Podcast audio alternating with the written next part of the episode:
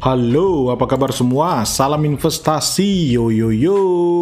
Kali ini kita akan membahas topik yang mungkin ditunggu-tunggu oleh banyak orang berkaitan dengan resesi ekonomi. Pertanyaannya, apakah Indonesia akan jatuh ke kondisi resesi ekonomi? Oke, sebelum kita membahas lebih jauh lagi, mungkin perlu saya sampaikan buat Anda yang belum tahu apa itu resesi ekonomi. Jadi resesi ekonomi itu adalah kondisi ekonomi di suatu negara jika, jadi ada syaratnya nih, jika dalam satu tahun ada dua kuartal berturut-turut pertumbuhan ekonomi dari negara tersebut negatif atau minus. Jadi misalkan kuarter pertama minus satu persen, kuarter kedua minus 5%, maka itu dikategorikan sebagai resesi ekonomi. Tapi kalau dia misalkan kuarter pertama minus 1%, kuarter kedua plus 2%, kuarter ketiga minus 3%, itu belum dikategorikan sebagai resesi ekonomi. Jadi harus berturut-turut.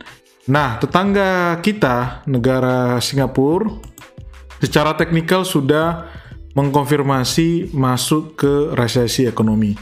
Kenapa? Karena di kuartal pertama dan kuartal kedua mereka minus uh, dari sisi GDP atau PDB negara tersebut. Terutama di kuartal kedua mereka minus bahkan sampai ke 41,2 persen.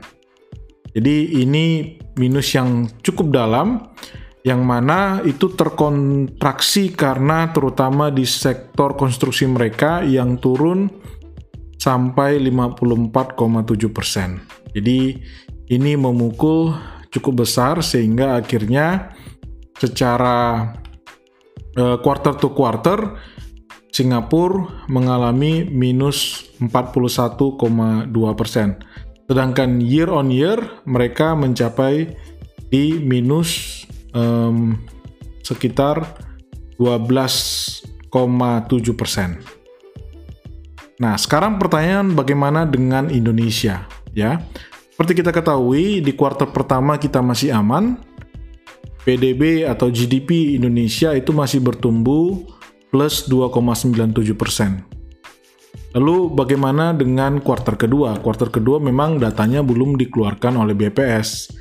Tapi eh, banyak dari lembaga lembaga survei keuangan ataupun ekonomi itu sudah memprediksikan untuk Indonesia akan mengalami minus GDP-nya di kuartal kedua.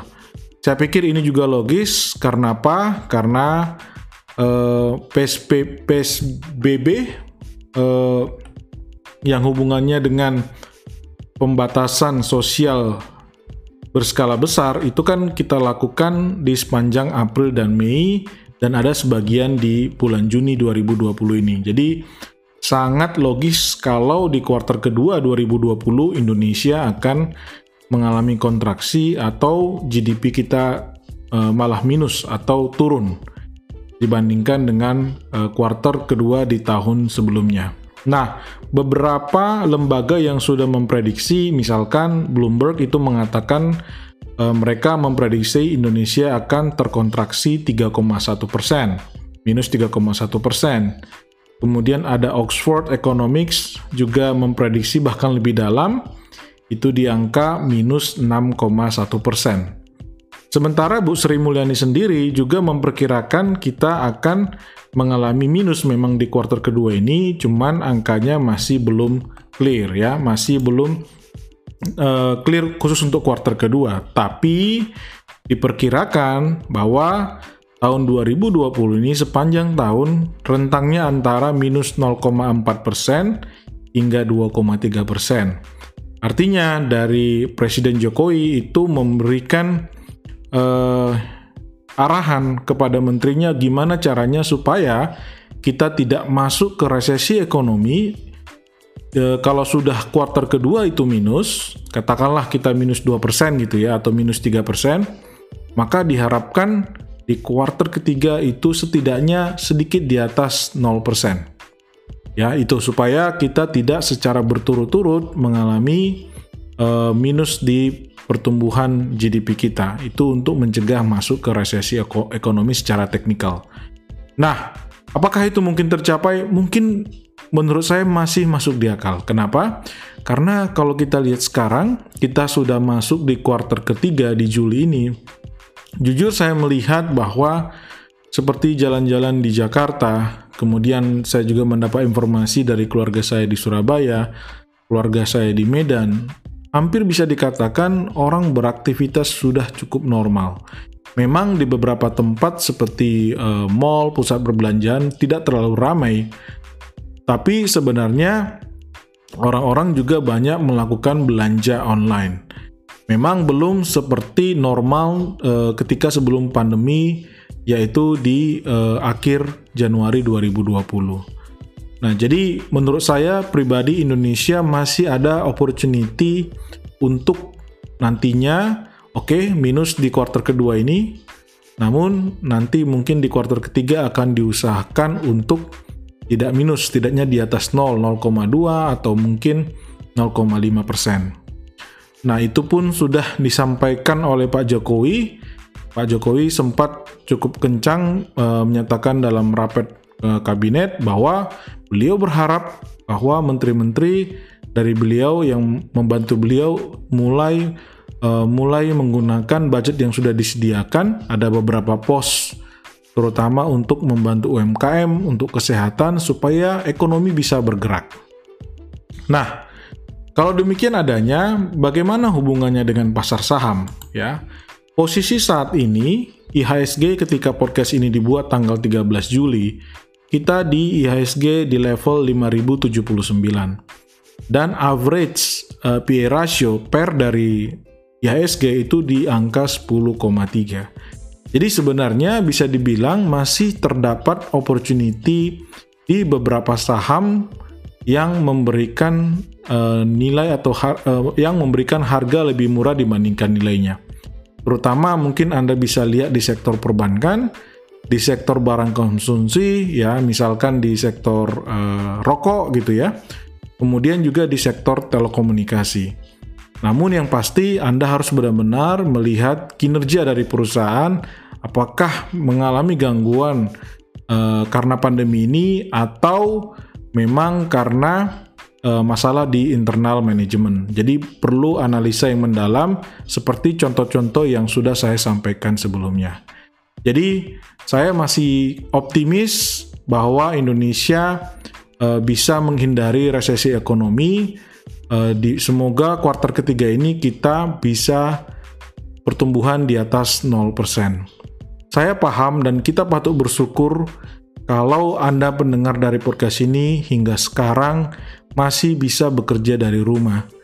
Tapi pilihan itu tidak dimiliki oleh banyak orang. Saya melihat sendiri di jalan-jalan, bahkan mungkin keluarga saya sendiri yang sudah mulai masuk bekerja.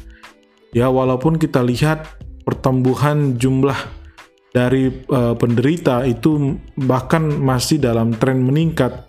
Namun tampaknya saat ini orang-orang berpikir bahwa ya pilihannya tidak gampang ya.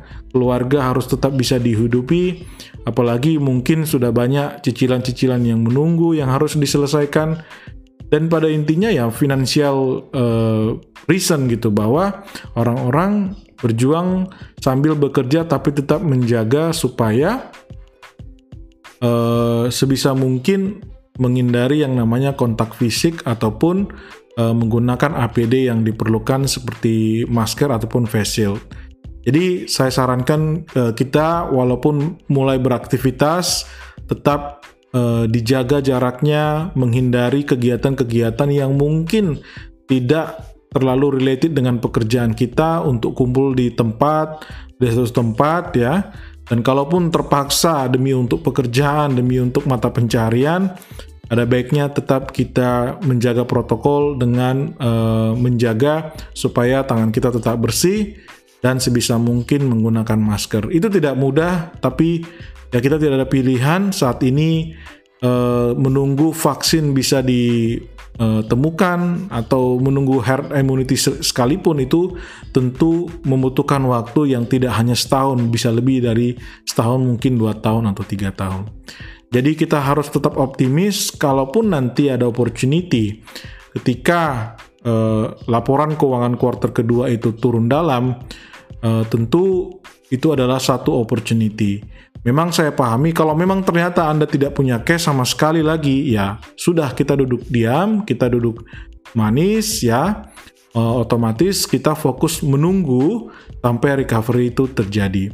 Itulah kenapa saya selalu menyarankan ketika kita berinvestasi saham supaya kita bisa menunggu dengan tenang, hindari yang namanya membeli saham dengan utang atau hindari membeli saham dengan margin atau juga hindari membeli saham dengan dana darurat ataupun dana yang akan Anda gunakan dalam jangka pendek.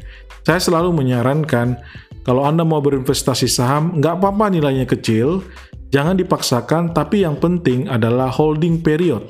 Jadi dana itu dana dingin yang tidak Anda gunakan setidaknya untuk tiga tahun ke depan.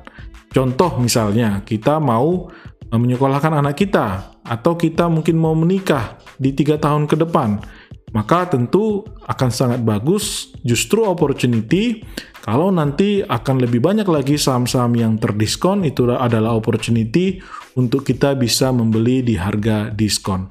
Tapi tentu selalu perhatikan kinerja perusahaan karena akan ada selalu saham-saham yang dinilai murah, PE ratio-nya rendah, tapi sebenarnya dia murahan, alias sebenarnya ya memang karena kinerjanya jelek maka harga sahamnya turun.